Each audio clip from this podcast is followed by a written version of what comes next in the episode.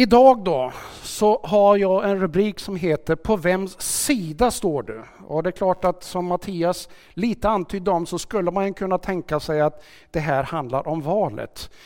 Det gör det inte. Inte politiska valet som vi precis har gått igenom. Eh, jag uppmanar dig, Bibeln uppmanar oss att vi ska be för de styrande och det tänker jag oavsett vad du röstade på, oavsett vad du har för känsla inför de som, som verkar ha vunnit valet, så ska du be för dem. Därför att det är Gud välbehagligt. Så det sagt om den politiska eh, makten och det politiska spelet. Men jag har hämtat en text som vi ska läsa om en liten, liten stund ifrån Josua bok. Och i den här texten som vi ska läsa så finns det liksom ett val, någonstans en fråga som ställs, på vems sida står du? Och den där tänker jag att vi kan bära med oss rätt igenom den här predikan, så får vi se var du landar när vi liksom är färdiga om en liten stund. Låt mig börja ge en liten bakgrund. Bakgrunden är den att Israels folk det vill säga Jakobs söner. Jakob som är en patriark, som är en son till Abraham som gjorde överenskommelse med Gud eller avtal eller förbund med Gud. Och Jakob som också får möta Gud och blir kallad för Israel. Hans söner, hela hans familj hamnar i Egypten. Och från början så är det en räddningsaktion därför att det är svält. Men när tiden går så förändras den där fantastiska till, till något hemskt. Det blir flera hundra år utav slaveri. Och I det här slaveriet så lider människorna mer och mer och man ropar till Gud. Och Gud han har liksom lovat, nej men jag ska befria er. Men det känns som om det aldrig händer. Det känns som det bara drar ut på tiden och tiden. Men till slut så bestämmer sig Gud för att nu är det dags. Och så väljer han Mose och så skickar han Mose av att föra Israels folk ut ur Egypten. Och vill du läsa om den här eh, berättelsen så kan du läsa i Andra Moseboken så kan du få liksom den stora bilden av vad som händer. Tanken är inte att det ska ta så speciellt lång tid ifrån att man tar sig ifrån Egypten och slaveriet in i det förlovade landet, det som Abraham hade fått i löfte av att han skulle få. Det goda landet, den goda platsen för Guds folk. Tanken var inte att det skulle ta så jättelång tid. Men det händer saker. Och det händer saker där människor vänder sig bort emot Gud och de tvivlar på Gud. Och det gör att Gud säger nej, nu blir det liksom en rundvandring här, konsekvensen utav det. Till och med Mose, som är den här ledaren, han lyder inte Gud vid det tillfället, utan han, han gör som han brukade göra. Och Gud hade sagt åt honom att så här ska du göra, men så gjorde han som han brukade göra. Han tänkte att Nej, men det, det funkar nog bäst om jag gör som jag brukar göra. Och Gud blir lite irriterad på Mose. Och så säger han, du, du har inte lytt mig, därför kommer du inte själv få komma in och se det förlovade landet. Men en av de här personerna som Mose ändå skickar in i landet, tolv stycken spejare, det är Josua. Och Josua är en av två som liksom har ett annat perspektiv än de andra. Alla går de och så ser de det nya förlovade landet. De liksom tar, tar eh, snapshots av hur det ser ut, de tar med sig lite druvor, de tar med sig lite frukt och de beskriver det här. Och tio av dem säger att det går aldrig. Har ni hört det uttrycket någon gång? Det går aldrig. Men Josua och Kaleb säger, nej, det verkar som det inte går, men med Guds kraft så är det möjligt. Han lyfter blicken. Därför är det någonstans nästan 40 år senare när det är dags, när hela generationen har dött ut, de som inte skulle få komma in i landet för att de hade varit inte lyhörda mot Guds röst. Men när det är dags, då är det Josua som får uppdraget, som får ta över av Mose. Mose dör och så är det Josua som ska få leda hela Israels folk in i det som de har fått löfte om. Det utlovade landet, ett nytt, ny tillvaro. Inte i slaveri och inte i öknen, men i den nya tillvaron. Det här är bakgrunden. Det här är bakgrunden till Josua och den här texten som vi nu alldeles strax ska läsa. Och den där bilden som ni såg där, det var alltså om man går över Jordanfloden. Det var liksom en flod som de behöver korsa. Och det står faktiskt i texterna där att kungarna i det nya området, de, de bävade när de hörde hur Gud hade fört hela Israels folk över Jordanfloden, hur den liksom bara hade öppnat sig för dem. Och så tar vi den här texten då.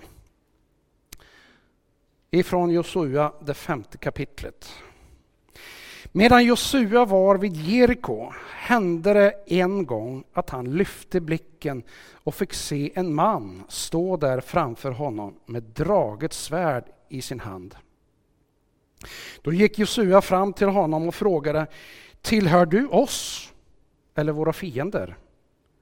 Han svarade, nej. Jag är befälhavare över Herrens här. Nu har jag kommit. Då föll Josua ner på jorden, på sitt ansikte, tillbad och sa till honom, vad har min herre för budskap till sin tjänare? Befälhavaren över herren, Herrens här sa då till Josua, ta av dig dina skor, för platsen där du står är helig. Och Josua gjorde så. En fascinerande text och jag vet inte vad du målar för bilder när du hör den här texten eller läser den här texten. Men jag målar ju framför mig en bild utav liksom en, en, en kraftfull person som har ett draget svärd, det vill säga redo för att kämpa. Som står där i Josuas väg. Och uppenbarligen är det någonting som händer med Josua i den här dialogen. Först går han fram, självklart. Hör du, hör du till oss eller är det någon annan? Och jag vet inte om du har varit med, dig, varit med någon gång om liksom den där den känslan av att det är viktigt för dig att definiera, hör du till oss eller hör du till våra fiender? Vi eller dem? Tänker att den där frågeställningen den finns med oss. Tillhör du oss? är väl rubriken som jag tänkte att jag skulle stanna lite grann för ett ögonblick. När Josua ställer den här frågan, då får han ett märkligt svar. Nej. Vad betyder nej? Tillhör du oss? Nej. Det är ungefär som att den här personen som står där inte vill låta sig tryckas in i något hörn. Du vet när vi har hört politiska debatter och så här och retoriken så vill man trycka in människor i något litet hörn någonstans. Det hör till liksom den konsten på något vis. Och det är som att Josua också, hör du till oss? Och han är liksom Josua är ledare för ett stort folk och de har ett uppdrag, Gud har talat till dem. Och han liksom är som att han bär hela den liksom känslan, hela den bördan, hela det ansvaret själv. Tillhör du oss? Och det är viktigt för Josua att veta, är du med oss eller är du emot oss? Men den här som står här, den här personen, den här varelsen som står här, han ger inte ett svar på det.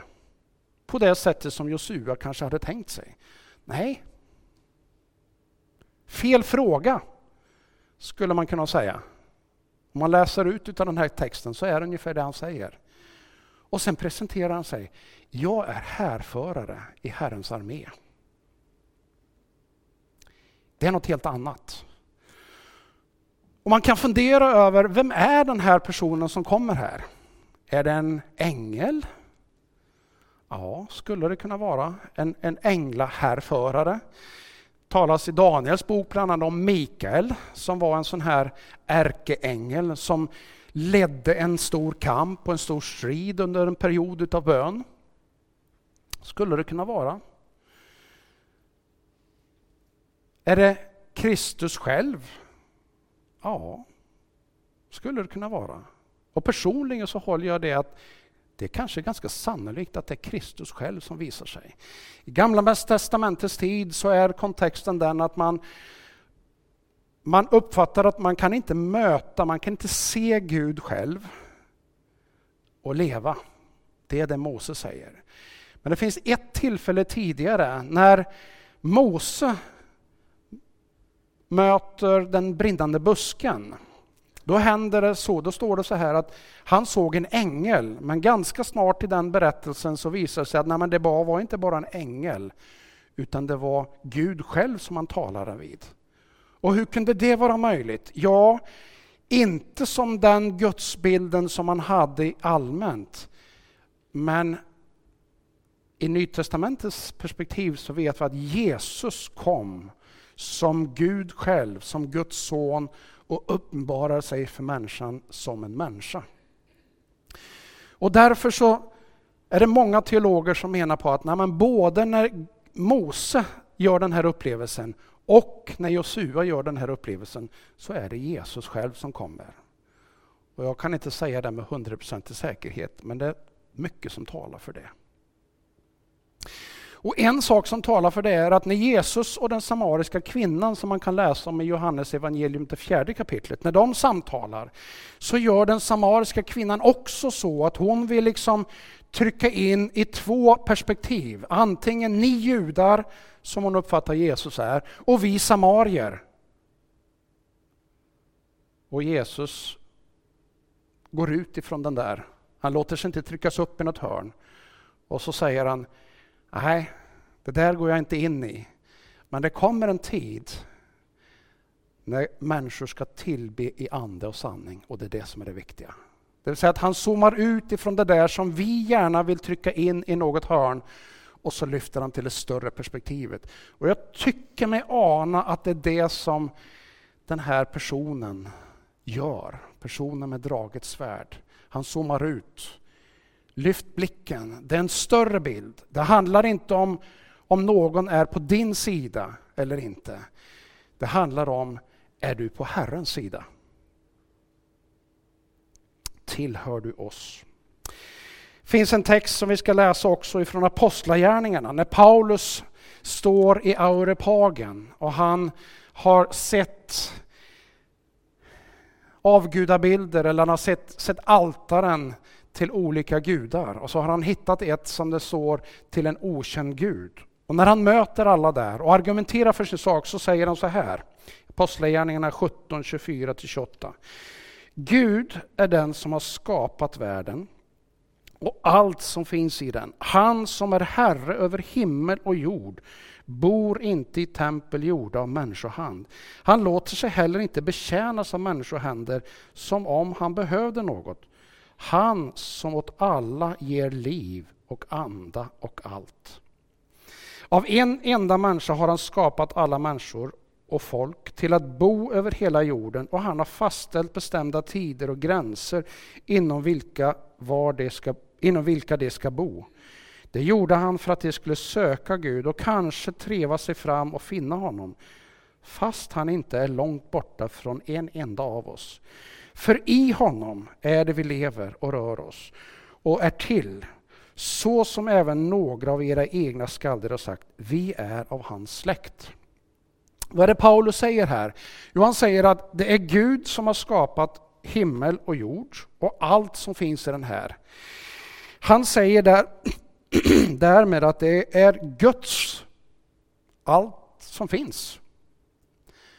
Och han ger det här perspektivet utav att det handlar inte om det är Mattias eller om det är Hashems eller om det är Torbjörns eller om det är Svantes eller någon annan. Så den stora frågan är, det är Guds. Bejakar du att vara på Guds sida eller inte? Det är liksom det som är den stora bilden som också Paulus målar upp här. Det är Gud som är skapare av himmel och jord. Det är han som är artisten, det är han som är ägaren till allt där vi är och allt det vi ser. Den här bilden är det många som har missat. Den här bilden är det många som har glömt. Och jag tror att vi som sitter här inne också, gång på gång, och jag talar till mig själv, tappar bort att det faktiskt är så. Det är Gud som har skapat allt. Det är Gud som har skapat dig. Det är genom Guds kraft som du överhuvudtaget är möjligt för dig att vara här idag. Det är genom Guds kraft som det är möjligt för dig som tittar på skärmen där att överhuvudtaget finnas till. Svårt att förstå, absolut. men ändå en sanning som den Bibeln ger till oss. Det intressanta när den här härföraren står där, så säger han sen, jag är nu här, jag är här. Det är som att han liksom talar om för Jesua, ja visst, det kan ha varit saker som har hänt förut, men nu är det dags, nu är jag här. Jag är här. När Mose får det här mötet tidigare, 40-50 år innan, då har Mose och, och, och, och, Gud dialogen och frågar Mose, vem ska jag säga att du är? Ja, jag är den jag är. Jag är. Och Mattias hänvisade till de här predikningarna om Uppenbarelseboken. En av de sakerna som återkommer där är jag som var och som är och som kommer. Det vill säga den som alltid är. Och här kommer den här härföraren och säger, jag är här. Här är jag nu. Jag tänker att det här är ett budskap för dig idag. Gud är här. Där du är. Alltså härföraren som står där med makt och en hel här bakom sig. Det vill säga inte bara, inte bara som en god vän utan också med stor kraft bakom sig. Han är här hos dig i din situation där du är just nu. Och det är som att han talar om att okej, okay, hur den har varit, hur den har varit och hur du än bekymrar dig inför framtiden eller vad det nu är för någonting. Jag är här nu. Har du väntat? Nu är det dags. Har du, har du tyckt att du har dröjt? Nu är det dags. Jag är här. Och han står där med sin härlighet. Någonting är det som gör att Josua fattar att det här är inte bara en vanlig person. För vad gör han för någonting? Jo, han faller ju ner. Josua som är liksom ledaren, motsvarigheten till statsministern, motsvarigheten till kungen, motsvarigheten till den främste presidenten, ledaren för hela folket. Han faller ner inför den här personen. Så någonting är det som gör att Josua fattar, det här är inte vem som helst. Han faller ner med ansiktet mot jorden och han tillber. Och han som kommer där, han säger, jag är här. Och det skulle jag vilja att det får bli ett uppmuntrande budskap till dig här idag. Jesus är här. Oavsett vad du har i ditt liv. Oavsett hur den här månaden är för dig. Om den är glädjefylld eller om den är fylld av utmaningar. Om den här hösten liksom har blå himmel och solsken eller mörka moln så är budskapet Jesus är här framför dig just nu.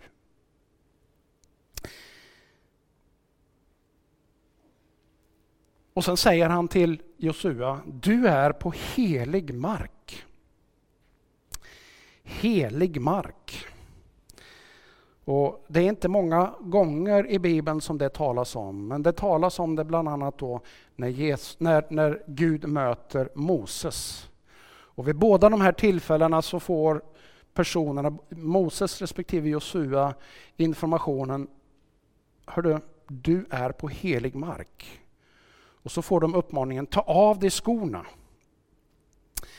Eh, det där är ju intressant, för det där är en liten kulturell fråga. I, i, I, vårt land så tar vi av oss skorna när vi kommer in i ett hem någonstans. Och vi gör nog det väldigt mycket för att vi, vi vill inte liksom dra in grus och sand och, och smuts utifrån utan vi vill dels vara bekväma och så vill vi, vi se till att det är rent inne. Men i många kulturer är det så här att du tar av dig skorna för att visa respekt. När du går in i en helgodom av något slag så tar du av dig skorna. Jag har varit på många platser där det liksom står berg utav skor utanför. När man har kommit in i, i, i en helgedom, en moské eller ett tempel av något slag. Och både Josua och Mose får den här instruktionen, ta av dig skorna. Och det är där och då som Josua faller ner. Han gör så. Han tar av sig skorna och så faller han ner och böjer sig ner med ansiktet mot jorden för att synliggöra. Jag är dig underdånig. Jag är dig underdånig. Det vill säga att jag har respekt, jag fattar. Jag må vara ledare, jag må vara ansvarig för det här folket. Men inför dig så måste jag böja mig.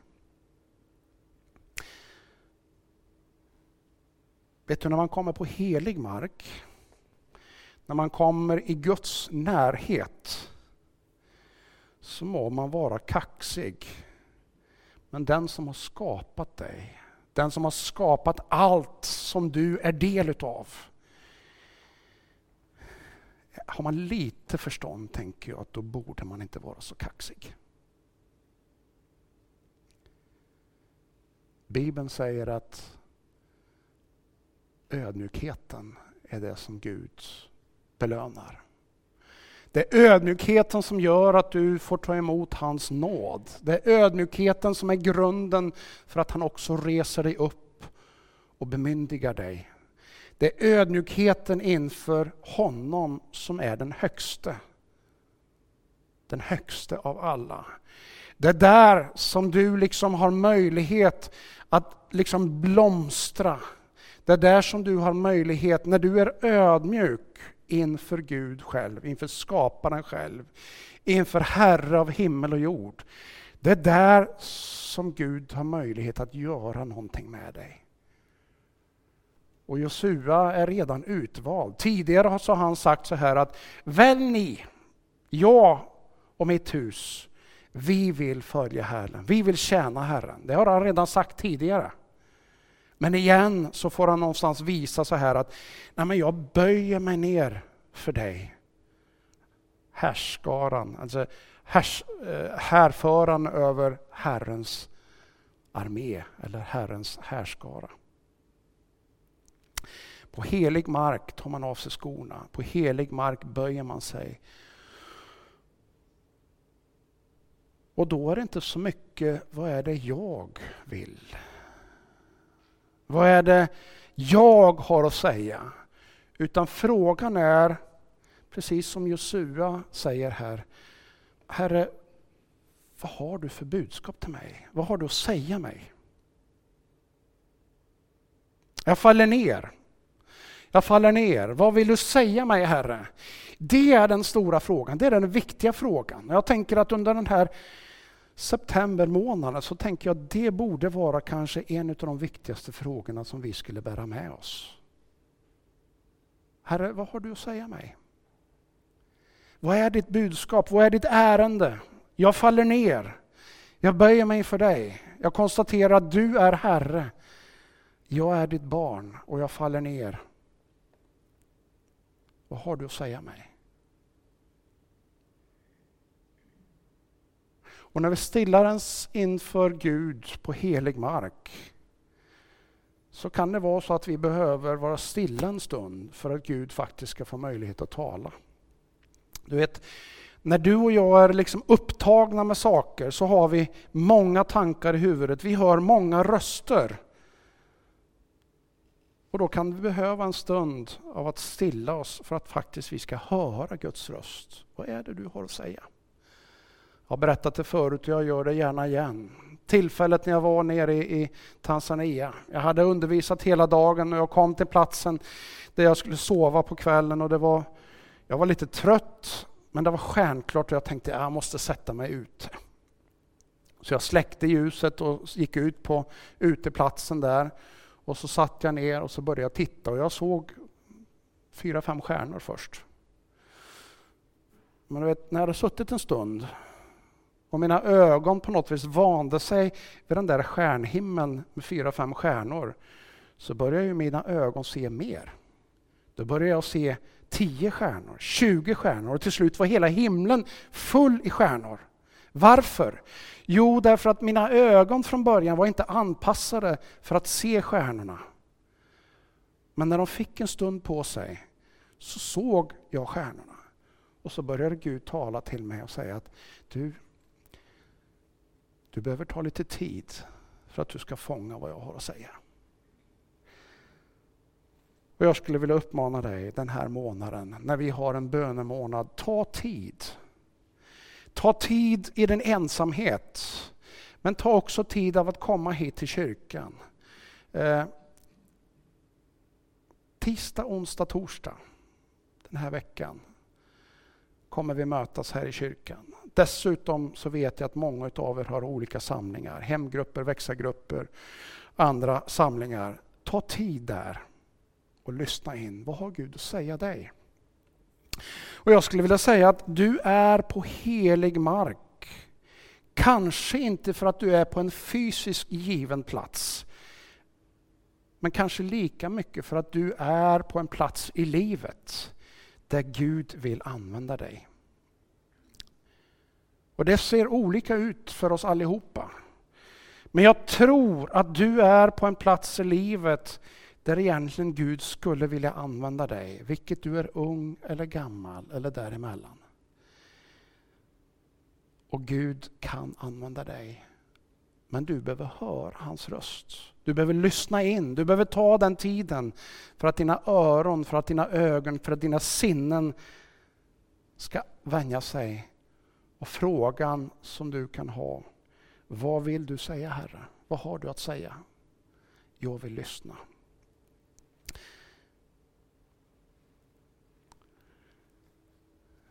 Vad är det egentligen som hela den här berättelsen handlar om?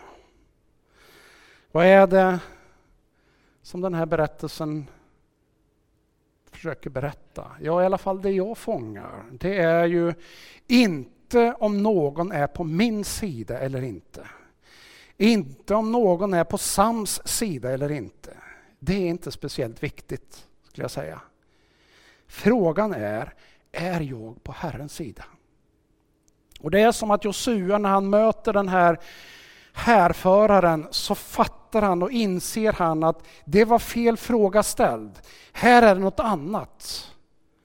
När jag står inför den här härföraren, då måste jag falla ner och konstatera att jag vill vara på hans sida. Jag vill vara på hans sida. Alltså, vem är jag att någon skulle vara på min sida i det stora perspektivet? Gud har skapat himlen och jorden. Och när Gud frågar, när Gud talar om när han kommer, så är det inte så att han trycks in i ett hörn här eller där. Vem är du att trycka in Gud i ett hörn? Ja, det går absolut bra att brottas med Gud. Det gjorde Jakob också, det står det om. Alltså vi kan, det finns utrymme för det. Men i den stora bilden så är det ändå så här att det är Gud som har skapat himmel och jord. Det är han som har den stora bilden.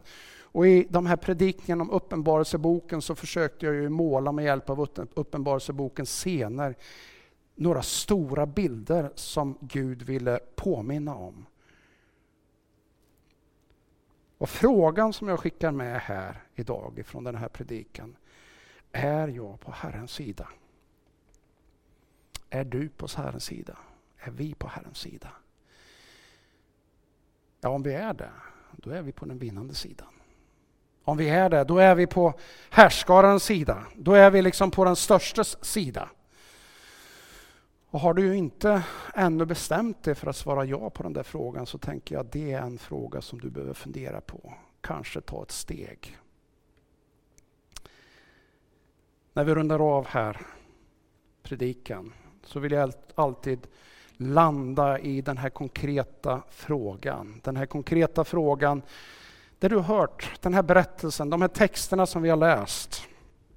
Det jag har försökt att förmedla, vad är det det inspirerar dig till? Och Det finns små och stora steg här i livet. Men jag vill verkligen rekommendera de små stegen många gånger.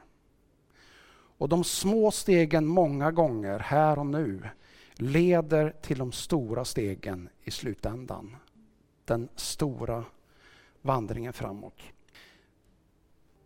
Vad är det för ett steg du vill ta? Är du på Guds sida eller hur är det?